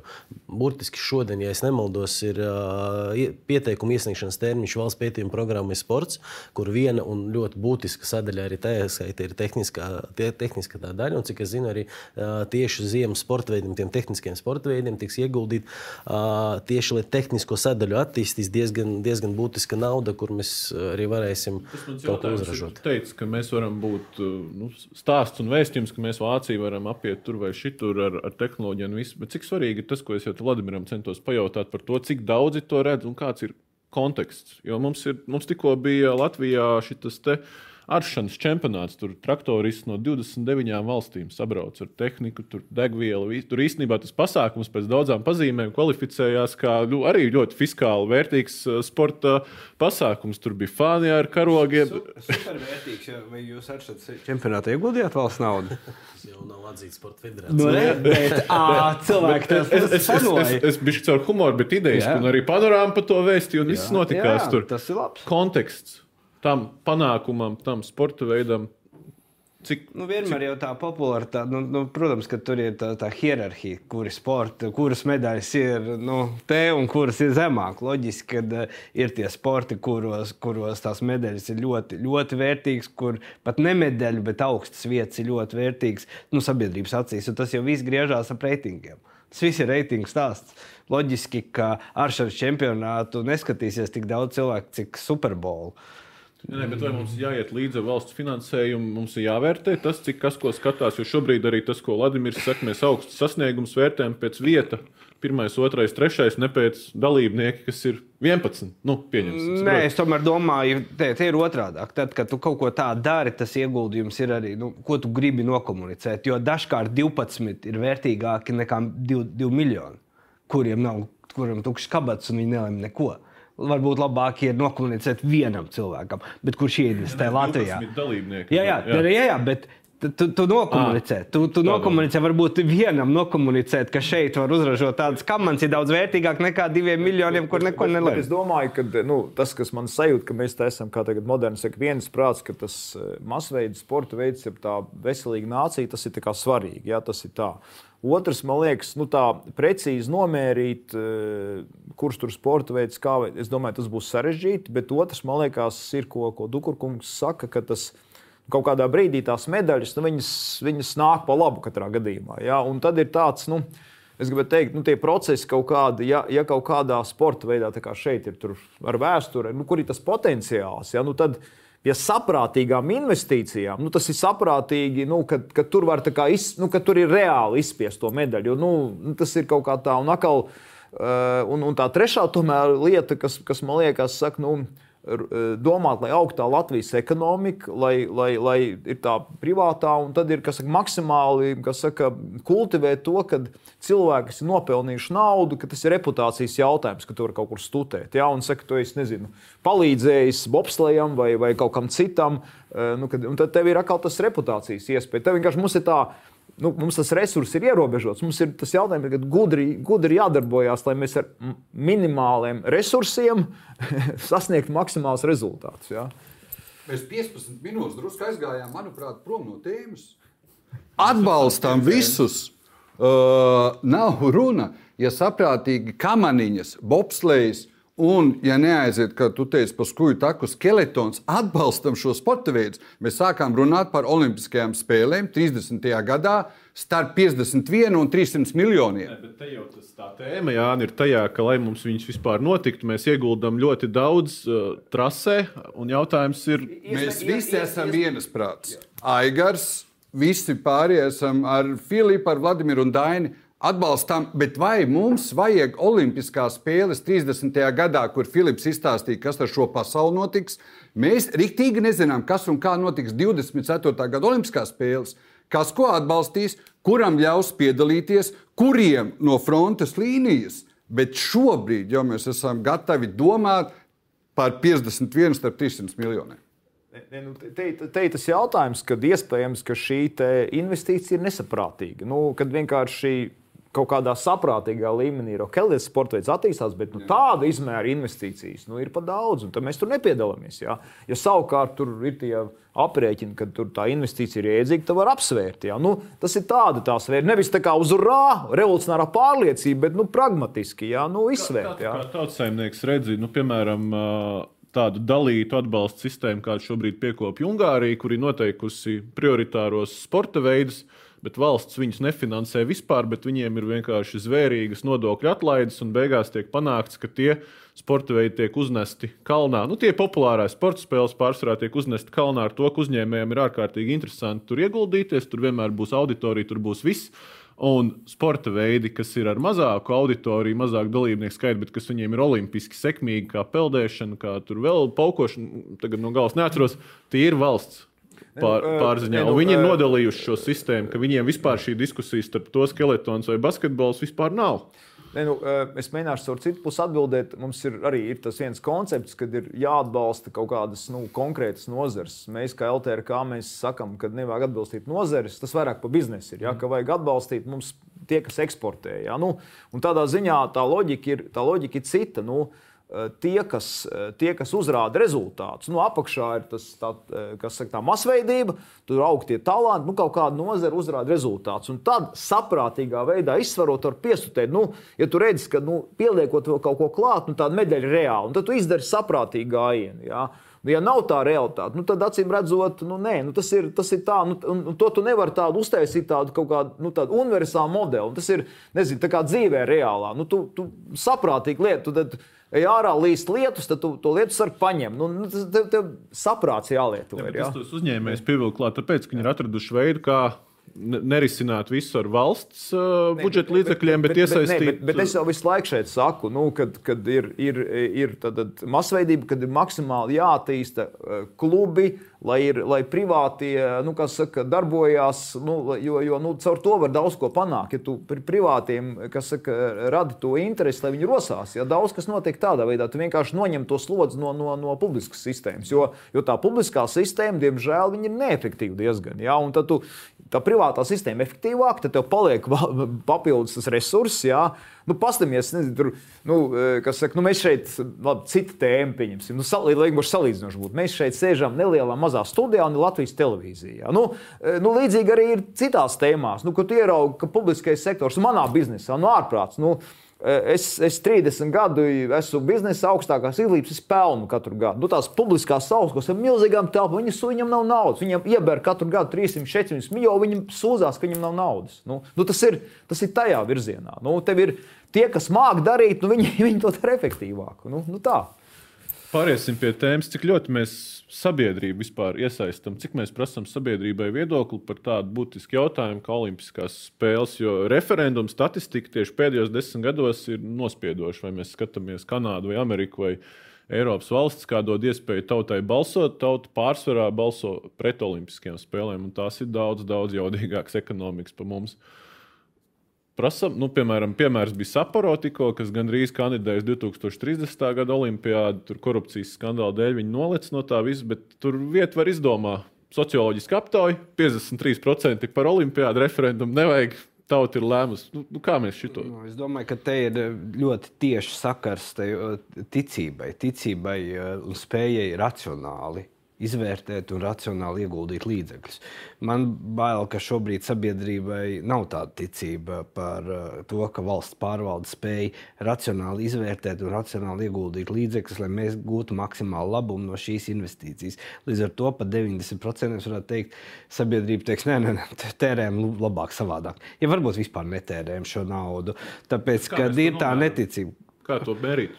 Nu, ir tas, sākot ar kvantitatīviem, socioloģiskiem datiem, beidzot ar, ar, ar uh, referendumu. Bet es domāju, ka tā ir uzticēšanās valsts varai kopumā. Mēs redzam, ka valdībai neusticās, tad līdz ar to tā uzticēšanās tādiem lēmumiem ir zema. Nu, man, man liekas, tas, kas notiek vispār tā vērojot, eh, to, to man nav kāda precīza statistikas, ja, bet kad eh, nu, šobrīd uz tās kartes mēģina tur futbolā, citos pasākumos trāpīt tās nu, nezinu, valsts ar lieliem resursiem, tur arābi tam līdzīgi. Nu, viņi tur futbolā tagad pērk tos futbols, viņi mēģina vienkārši caur to tā kā.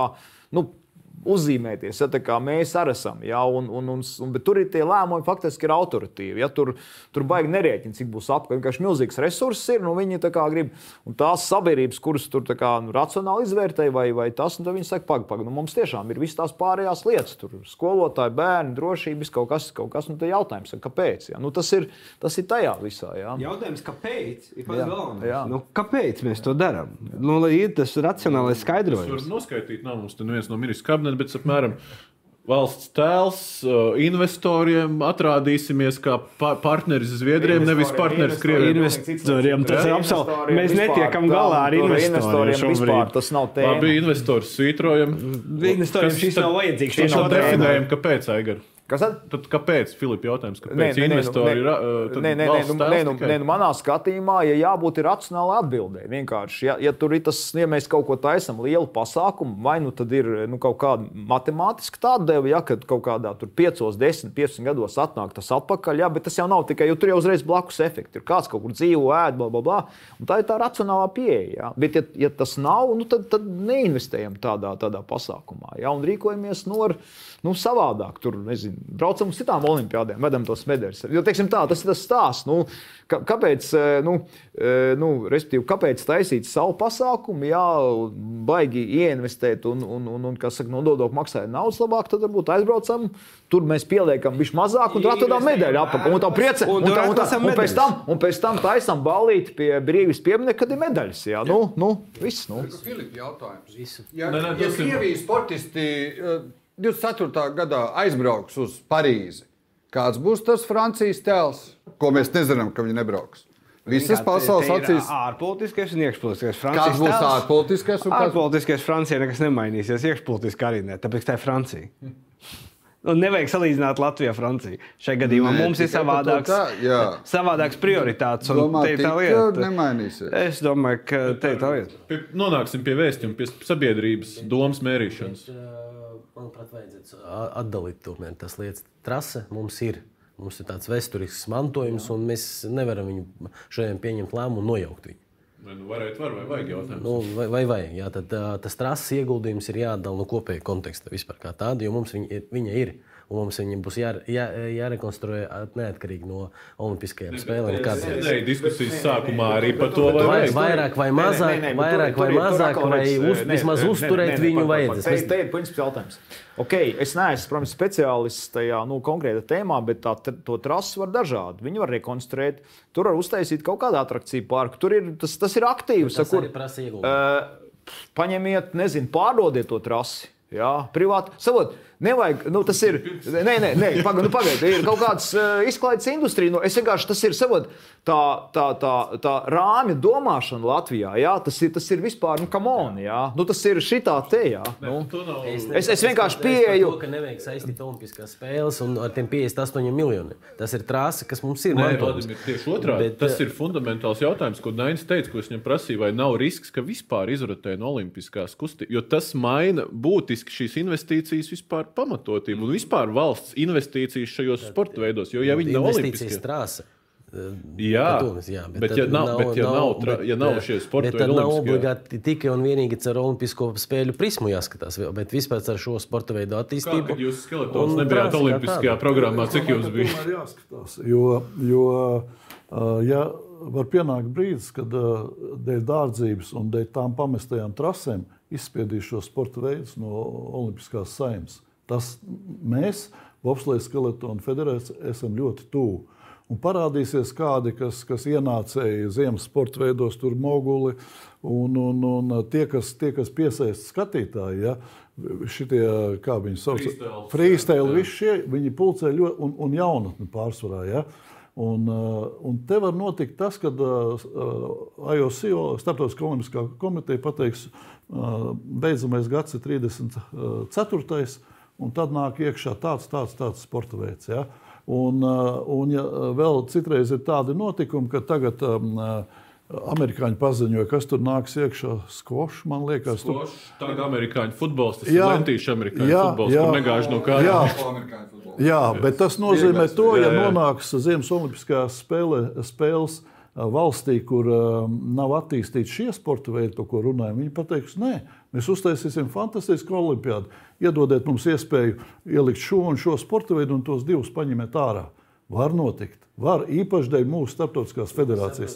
Olimpiskā kustība mainās, un tagad Jā. vairs nav tik striktas prasības attiecībā pret uh, atsevišķu olimpiskā ciematiņa izbūvi. ka Tagad jau pietiek ar viesnīcām, uh, tas, ko Zviedri mums saka, ka- kad mēs runājam par potenciālu sadarbību. Tā kā Es saprotu, ka mainās. Es tikai par to, ka nav jāpredstata potenciālu olimpisko spēļu rīkošanu šeit. Un trases uh, rekonstrukciju. Ja mēs uh, val, valdību lems viņu rekonstruēt, tad tas nav tikai tas tā olimpisko spēļu rīkošana, vai, vai pātrināt, vai pastiprināt to Tas ir lēmumu. ļoti konkrēts jautājums. Tas ir jautājums par nodokļu maksātāju naudu. Konkrēti nodokļu maksātāju naudu, vai mēs gribam uh, ielikt kaut kādu lielu ciparu, Filips tur teica 300 jā, mio, jā, nu, tādā stāstā. Tas ir ļoti, kas saka, jautājums. Jā, nu, kas saka, un vērojot, Tikai var pastiprināt to, vai ne? Vai, Nē, vai nu, nē, nu, vien- vienkārši man kā nodokļu maksātājiem jautājums.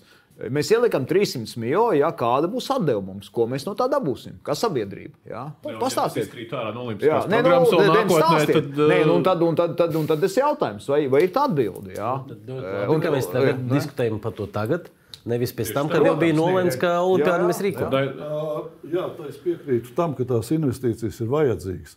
Un tajā laikā, kad es strādāju, valsts, valsts ikgada do- dotācija bija ā, 314 tūkstoši. Tas nav daudz. Cilvēki domā, nu tur milzīgi met naudu iekšā. Trases caur nodokļiem atgrieza 298. Tātad 16 tūkstoši bija uh, mīnus. Tā pašā laikā Latvijas sportam deva 70% atlaidi. Ja? Tad jau sanāk trase mazliet. Mazliet faktiski pelnīja. Un uh, izdzīvošanai pietika arī visām tas, ko jūs minējāt. Nobraucieni ar tur vizināšanu, vučko, tur zaļā vārda, visādas lietas, uh, nobraucieni ar lāpstām, viss kas. Mēs to mēģinājām sakasīt. Ja? Un tā varēja, bet teiksim, tādām lielām investīcijām trūka. Un, un ja viņas būtu plānveidīgas un domātas, teiksim, ā, gada laikā tur investēt miljonu. Ja? Nu, līdz tam 30 gadam, ja tur ieinvestēs kaut kāds 7 miljonus, tad tam, tam līmenim, lai notiktu pasaules kausa, vai, vai 10 miljonus, nu, nezinu, nu, tie ir ā, cipari. Es- Jūs labāk zināt, ko varētu atļauties kādā tādā vidējā termiņā. Nē, nē, bet to, to, ko es, ja es pareizi saprotu, ka uh, es tur neesmu galīgi speciāls, bet es saprotu, ka nu, to, ko jūs sakat, ka principā ar kaut kādām netik lielām investīcijām to trasi var dabūt līdz tādam līmenim, ka varētu Jā, arī tur jā. notikties. Tas, tas, tas jautājums. Jā. Jo, redz, jo tā, jo tā, jo, jo tā, jo tā, re, jo to, ko es gribu pateikt, Tas jo tā ir tas, reālā no kā es dzīve ir saku. tā, mēs zinām, ka ir, kas saka, politbiznesa kompānijas, kas grib būvēt lielu un dārgu. Ja, tāpēc, ka tur var nozāģēt, ja, nu, konkrēti ļoti. Ja. Un te ir tas stāsts, kā mēs uh, investējam vai tērējam nodokļu maksātāju naudu. Ja. Jārīkojas saprātīgi. Ja to maču var izvilkt ar saprātīgu investīciju, ja, uh, paņemt olimpiādu, tur, kā saka, būtu skarts un, un nopelnīt, to visu fini darām. Bet, nu, ja tur sāk saukt šitādus ciparus, un ja es redzu, ka tur kāds pērk Bentley, es to negribu. Ja. Nu, Bet, uh, Tas ir, tāpēc, ka, tas ir tas, kāpēc mēs šobrīd neskrienam nekur uz priekšu. jā, jā, Mēs bet, nu, esam šie palguši, vēstījumi ir, mēs esam eh, konkrēti. trases apsaimniekotājiem vēlreiz ar tiem pašiem vāciešiem, ar citām kompānijām izrēķināt alternatīvas. Jā, un jā, tikai jā, tad jau jā. iet pie, pie, pie tiem pie lēmējiem. Pieskārāmies divreiz šajā sarunā būvnieku kartelim. Dainu, arī publiski esi norādījis intervijās, ka tu esi jutis būvnieku karteļa elpu nu, vai mēģinājumus kaut kā, tad, kad tu vadīji trasi, vai tagad vēl pat, paturot prātā, ka vēl nesen bija šis armijas iepirkums un ka ir ekonomiskajām grupām intereses ap lieliem būvniecības objektiem, vai mums nav jāskatās arī mazliet konteksts caur, caur prizmu, kāpēc tik Nu, ļoti to kāds grib. Uh, Aigars jau minēja par to, ka uh, ir, ir jā, ja, brīva, ja būvē uzņēmējs sev, tad viņš, viņš ļoti seko līdzi. Un, un, un uh, visām izmaksām, vai vajadzīga tāda telpa, vai nav vajadzīga telpa, un, un visam domā līdzi. Bet uh, šeit, ja parādīsies tāds liels cipars, ja noteikti uh, ieradīsies cilvēkam, tas interesēs. Es nesaukšu uzvārdus, bet mēs likām trasē saules un nokrišņa aizsardzību, vienkārši sakot, jumtu un, un šos rulveidu žalūzijas. Protams, ka bija cilvēki, kas, kas, kam, kam bija interese kaut kur iespiesties, un, un spiediens diezgan liels ir. Jā, uz, uz, tur jābūt stingram mugurkaulam un jābūt godīgam, un, un no tā visa jānorobežojas. Un jāprot uzņēmējiem, ar kur tu strādā, kā pasūtītājs, jāprot jau pirmajā būvsapulcē nodefinēt, kas ir tāme, kas ir kvalitāte un kas ir termiņš. Trīs lietas. Un neizkāpt no tā ārā. Un viss no sākuma pretim sēdot uzņēmējs, atgāzies krēslā, smīnēja tā, vairāk ieņirds par mani, ja? par to, ka es nodefinēju šādas lietas. Bet uh, pēc tam, kad strādājām roku rokā, es neko sliktu nevaru pateikt. Ja? Aizgāja tas stāsts, trāpījām tāmē, trāpījām termiņā, trāpījām kvalitātē. Ja? Jums ir pieredze šobrīd, ko es iepriekš jautāju, ir divi objekti. Kā ar tāmēm iet? Nu, kontekstā ar to, ka ir sadārdzinājumi. Ir kāda sadārdzinājuma šobrīd?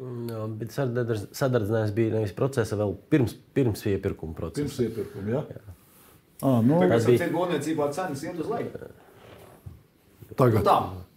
Ah, Eh, tad jau Privā, privātā, privātā, No citas sektorā, privātā sektorā šobrīd cenas iet uz leju. Privātā sektorā. Privātā sektorā cenas iet uz leju. Un tagad es, tagad es bišķi tur, kā saka, zinu, tēmu par Elbaltiku, ko tur zīmē. Ja? Nu, tas, ir, tas, tas ir tas stāsts. Jo mums ir vājš akcionārs, ja? valsts vājš akcionārs. Un tad vēl, ja mēs saprotam, ka tur ap visiem tiem politbusinesa grozās cilvēki, ja? nu, tad veidojās šī situācija. Tad spiediens ir. Ja? Un, un kas saka, nu, kas saka, tad mēs to pārmaksājam. Ja? Nu, Šīs ir saka, nopietnas darīšanas.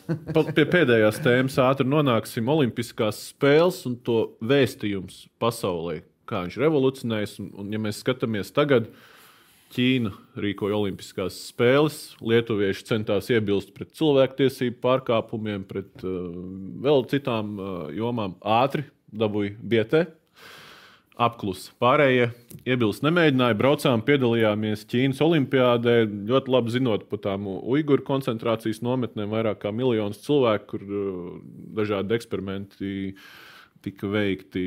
Soču olimpiāde, tad ir uh, stāsts par Rio olimpiādu, nu, kur spļāva tā kā virsū sabiedrībai nu, nu, bezskaislīgi ja, pie, pie tām problēmām, kas tur bija.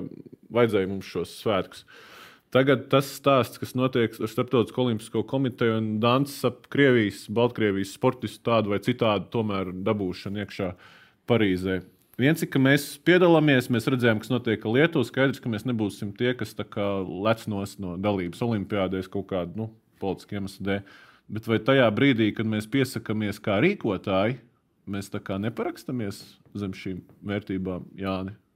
Nu, protams, ka parakstāmies. Nu, jau jautājums daļai ietvēra, mēs vēl tagad, ja mēs par to 30. gadu, mēs nezināsim, kas notiks 24. gadā. Un, protams, ka es piekrītu Filipam, nu, droši vien, ka Francija vairāk vai mazāk, nu, ka galīgi neciest, nu, nezinu, bet tur nekas nemainīsies. Bet ka mēs būsim jau tagad piesakāmies ļoti dīvainā laikā, mēs mēģinām pieteikties uz Olimpisko spēļu rīkošanu. Jā, es arī piekrītu. Jo tas, ko iepriekš minēja, karš, karš Eiropā, viņš nav tālu no mūsu mājām. Pie tam mums ir kopēja robeža ar agresoru valsti. Un, ā, man drīzāk gribētos, ka šādā brīdī ir lielākas investīcijas, paliek teiksim, valsts aizsardzībā. Ir, ir tās lietas, ko minējāt, gan veselība un, un, un, un izglītība. Bet kontekstā ar šo, šo, šiem notikumiem uh, jābūt ļoti piesardzīgiem. Un tas, ko tu minēji, kad, kad uh, tas nebeigsies tik ātri, un tajā brīdī, ja mēs uzņemamies, šādu atbildību, tad mums arī būs jānodefinē mūsu, mūsu redzējums attiecībā par šiem sportistiem, kas šobrīd ir izstumti no, šī, no šīs aprits. Iespējams, ka tāpat kā tu žurnālists būdams, kāds uzdos tieši to jautājumu pēc bida, kad būs Stokholma un, un, un uh, Sigulda. Iespējams, būs. Es to pat nedomāju tik šauri. Tāpēc uzskaitīju Ķīnas stāstu, Man tas cilvēktiesības.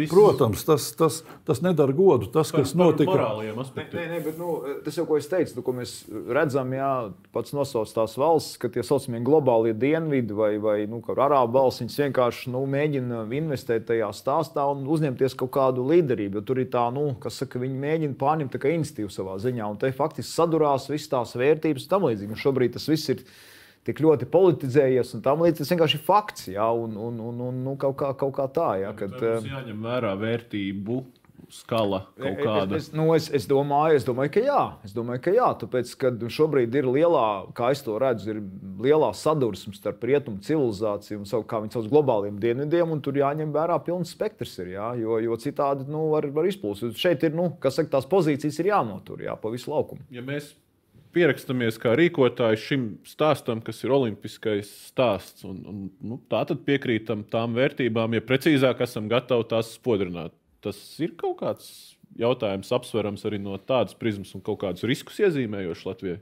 Jā, protams, jo mm, es, es arī rakstīju, bija ļoti labs raksts ekonomistā kādu laiciņu atpakaļ par šo tēmu, ka dēļ tās dārdzības un dēļ tā, par ko ir pārvērstas Olimpiskās spēles, dēļ tā salūta, viņas ir kļuvušas par totalitāru un autoritāru valstu manifestāciju, kuras stājās rindā, lai, lai parādītu savu varenību, lai nu, parādītu savu to lielo varēšanu un pierādītu, ka viņu sistēma ir labāka nekā demokrātisko valstu sistēma. Un, un, un, un pretēji to, ko pats sākumā teica, ka daudz valsts vispār nemaz negrib sākt. Priekš kā mums tas vajadzīgs? Šīs ir tas komunikācijas, tas ir jau paša olimpiskās kustības problēma, pa ko ir pārvērsta Olimpiskās spēles, kā totalitārās, eh, totalitārās sistēmas komunikācijas instrumenti. Bet tā jau atkal nav mūsu problēma. Jautājums, vai mēs gribam būt daļa no tā. Par vērtībām, kā apsvēršanas, mērīšanas. Es, es vēlos vēlreiz uzsvērt, ka mēs paši šobrīd nepiesakāmies, ka mēs kā vienīgie ko Ne, bet mēs Zviedri diskutējam, uzzinās Vladimir, sadarbības partneri. jā. Situāciju, ka mēs varētu vēlreiz kandidēt. Tie, tas 30. gads vēl tik tālu, un, un, un ja mēs nestrādājam šobrīd uz 30. gadu, tad mēs noteikti neko, nekā to arī šeit nedabūsim. Tāpēc šo, no šī, šīs dienas mums tā pasaule tik mainīga, ka no šīs dienas situācijas vērtēt to, kas būs pēc 6, 7, 8 gadiem, diezgan, diezgan sarežģīti. Tiesības jau piešķirts sešas gadus iepriekš. Trešais moments, ka tas vērtības, ko, ko popularizē Olimpiskā kustība kā tāda, ir krasi atšķirīgas no, no, no, no, no tevis piesauktajām valstīm un, Nē. un tām situācijām, Te kas, jau ir kas tur tas jautājums, pie kā es aizgāju, ka olimpiskā kustība jau tās vērtības ir parakstās zem tām, ja tu iedod Ķīnai rīkot olimpiskās spēles. Un, un, un, Drīzāk viņi nu, pievēr acis uz tā, uz tā acis, jā. ekonomiskā labuma Jā. kon kontekstā. Jā. Tad, jā, bet, bet pašas olimpiskās kustības vērtības ir savādākas. Oi, par to varētu veselu diskusiju mēs taisīt par tagadējām vērtībām. Tādas racionālas rīcības, piem, nu, teikšu tā kaut kā zīmēt to bildi. Ja pieņemsim, mēs varam nu, teiksim, to bobsleju tas kaut kādā veidā, nu, tā saprātīgi investēt, viņi dabūt tādā, tādā līmenī, ka viņā var darboties, ka viņi ir, kā saka, jēdzīga investīcija. Ā, Faktiski tad caur tādu šādu nepārāk pārmērīgu investīciju varam arī pieteikties Olimpijādai. Un, ja mēs skatāmies, ja tur iet viss greizi, mums arī nolikt. Ja? Nu, vienkārši savot, eh, mazām vienībām mums ir, mums ir jāspēj ir tāds jēdziens agile, mums ir jābūt pielāgoties spējīgiem, jā, nu, jāmanevrē visu laiku tajā stāstā. Un Tā, tā, tas ir mazu nāciju, un tas ir liktenis. Nu, ir, un, tā, un, tā, un tā ir tās mūsu prasības, kas mums jāapgūst. Jā. Mēs nevaram rīkoties tā kā kaut kāds lielvalsts, tur ieg- iegrāzām milzīgu naudu, un, un te ir tā lieta. Rietumu civilizācija negrib, ja tur taisīt olimpiādas, pēc tam konstatēt, ka tur kaut kāda celtnieki ir nomiruši vai kaut kas. Mē- Mēs gribam rīkoties, tas ir rietumu civilizācijas spēks, rīkoties saprātīgi, ja, lai, lai cilvēki var normāli dzīvot. Ja. Un mums nav pieņemams koncepts, ka tur uzbūvēja par katru cenu salūtu, un pēc tam tās visas blaknes ir. Un tā ir tā vērtība atšķirība, ja, un, un te tā līnija ir. Ja. Tev palabot, ka varbūt uz Olimpiskajām spēlēm tā ir rietumu civilizācijas atbildība, bet ir vesela virkni jautājumu, ko iesāk Filips. Tā ir sabiedriskā, tās ir sabiedriskās attiecības. Tas, kas notiek šobrīd ar Olimpiskajām spēlēm, ar pasaules kausa futbolā, tas ir sabiedriskās attiecības. Un rietumu civilizācija ļoti labprāt turpinātu rīkot pirmās formulas posmus, kā minimum viņiem nav naudas. Viņiem nav naudas. Viņiem Silverstone cīnās, lai paliktu viena no leģendārākajām trasēm, Spāņu Frankošam. Cīnās, lai paliktu rietumu civilizācijai. Šobrīd nav naudas tādam salūtam. Tevis pieminētiem globālajiem dienvidiem ir un rietumiem nav. Tā kā varbūt ka mēs esam ļoti labi civilizēti, bet uh, paliekam Mainīsim, nabadzīgi. tad dosim pēdējo vārdu. Ja būtu teiksim, tāda mm, par kandidēšanu vairāk solīšana, tad uh, tajā piedalītos divas valsts, Ķīna un Krievija, kuras svarīgi parādīt šo režīma pārākumu. Un pārējie pat uh, nepiedalītos. Viņi varētu solīt, un, un uh, Olimpiskā, Starptautiskā Olimpiskā komiteja ļoti labi ar to pelnīt. Vien, viens olimpiādas, uh, Olimpiskās spēles rīkot vienu, otru otru. Jo rietumu sabiedrībai jau nevajag liek vēl kaut ko pierādīt, savu pārākumu. Viņi dzīvo normālu dzīvi. Šīm uh, valstīm vajag pierādīt, un, un, un tas viss ir. Un tā, tā mm, morāla kādreiz, kas bija, kad es atceros, bija tāda mm, stāstīja, kad kari tika pārtraukti, sākās Olimpiskās spēles, visu nolika malā. Tas bija kaut kas svēts. Kas tur svēts? Nu, Parīzē, Parīzē būs spēles, un, un uh, dažus tūkstošus kilometrus no turienes viens uz otru slānīs ja, un, un, un nogalinās. Ja. Eiropā būs karš. Ja. Nu, ir savādāk šī pasaule šobrīd. Ja, un, un, un, un tas, um, tas olimpiskais vērtības viņas ir uh, nu, kaut kur nolaidušās zemāk. Un, un, un, uh, Tas, uh, kas notiek Ķīnā, tas, kas notiek Krievijā, nerunāsim par to dopingu stāstu. Nu, tas, tas man iznīcināja visu ticību šiem olimpiskajiem mērķiem, olimpiskajiem, olimpiskajiem stāstam. 2014. gads Soči. Nu, redzēsim, kā būs ar ticību olimpiskajiem mērķiem un olimpiskajiem stāstam. Šeit Latvijā amatpersonām, lēmumu pieņēmējiem un arī sabiedrībai, kā tiks prasīts viedoklis un cik aktīvi sabiedrība to paudīs. Mēs šodien jau tādu pirmo pagalu šajā diskusijā iemetām. Tā kā paldies visiem, kas skatījās, paldies visiem, kas piedalījās. Tiksimies atkal nākamreiz. Visu labu! Laiks startam, ko esam tik ilgi gaidījuši. Tas brīdis ir pienācis.